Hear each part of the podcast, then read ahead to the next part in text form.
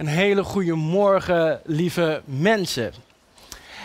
Hey, uh, misschien ben je wel eens naar een feestje geweest en op dat feestje was daar ook een dansvloer. Net zoals deze. En, en, op die dansvloer klonk er dus ook muziek. En, en, voor sommigen van ons kan dat dansen, ja, dat kan wel even een dingetje zijn. Dat kan wel even ingewikkeld zijn. Maar wees gerust, want vandaag is de dag dat we dat allemaal oplossen. Want ik ga jullie drie moves leren die je dus nooit en nooit moet vergeten. De eerste move is de basismove. Deze is, die kan je altijd inzetten op feesten en partijen. Hij is simpel en vooral veilig. Ik doe hem even voor. Heel simpel. Geen ingewikkelde dingen doen.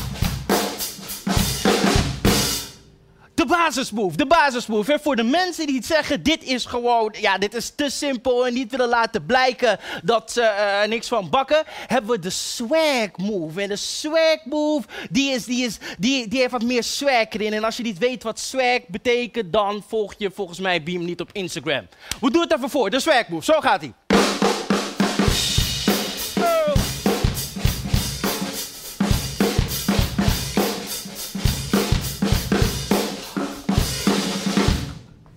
De swag move, de swag move. Maar soms zijn er van die momenten dat deze moves niet voldoende zijn. Soms zijn er van die momenten dat je een gekke move nodig hebt. Een move die volledig uit je comfortzone is. Een move die niemand ziet aankomen. En ik ga die van mij even voordoen, maar uh, probeer dit niet thuis. Let's go, Jorah!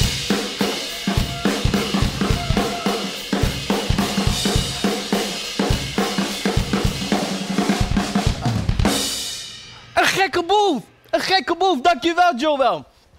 En deze dansvloer is eigenlijk vergelijkbaar met sommige situaties in ons leven.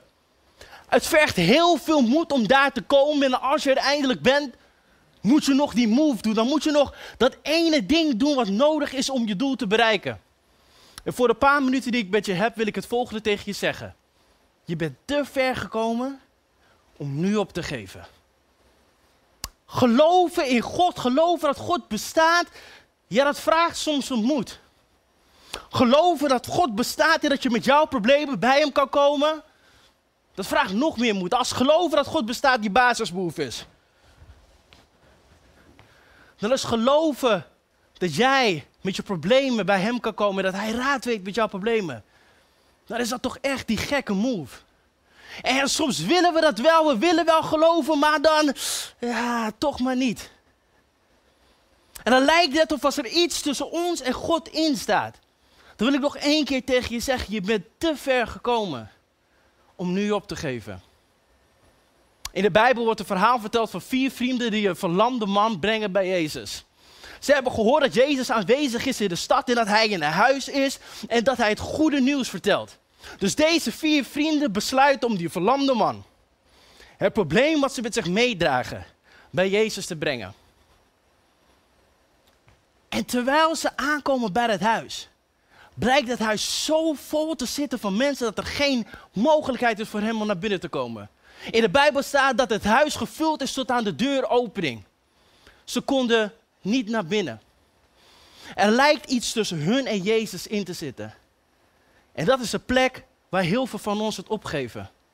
En ik weet niet hoe het bij jou is, maar soms voelt het ook alsof er iets tussen mij en God in staat. Ik wil wel geloven, maar wat als ik bij problemen bij hem breng en er gebeurt niks?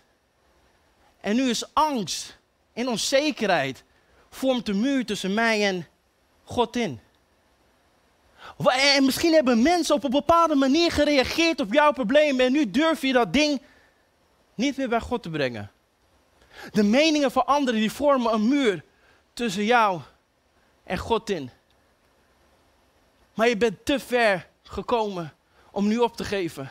Want soms lijkt die muur, die barrière, die uitdaging, die kan zo'n indruk op je maken. Dat je vergeet hoe ver je al bent gekomen. Je, je, de uitdaging voor je doet je vergeten wat je al reeds hebt overwonnen. En deze vier vrienden die hadden die verlamde man al zo ver gedragen. Ze waren zo dichtbij. Ik denk dat ze zelf de stem van Jezus zou horen. Daar stonden ze. Voor een menigte van mensen geen mogelijkheid om naar binnen te komen. En ze besloten dat dit niet de plek was om op te geven. Dit was de plek voor die laatste gekke move. Ze besloten om op het dak te klimmen, het dak open te breken en die verlamde man naar beneden te zakken voor de voeten van Jezus. Een gekke move. En die gekke move heeft eigenlijk niks te maken met dat danspasje. Maar het heeft alles te maken dat wij soms ergens overheen moeten om ons doel te bereiken. Dat wij soms iets moeten overwinnen om ons doel te bereiken. En dan hoor ik je zeggen van Shelter, wat zeg je nou? Wil je zeggen dat het moeite kost om bij Jezus te komen? Moet ik daar mijn best doen om bij Jezus te komen? De weg naar Jezus is toch vrij en open? Dat klopt. Maar soms moeten wij iets in onszelf overwinnen. Om te kunnen zien dat Jezus voor ons klaar staat. Soms moeten we die angst of als we goed genoeg zijn moeten overwinnen. De twijfels of als er wel genoeg plek is bij Jezus moeten we overwinnen.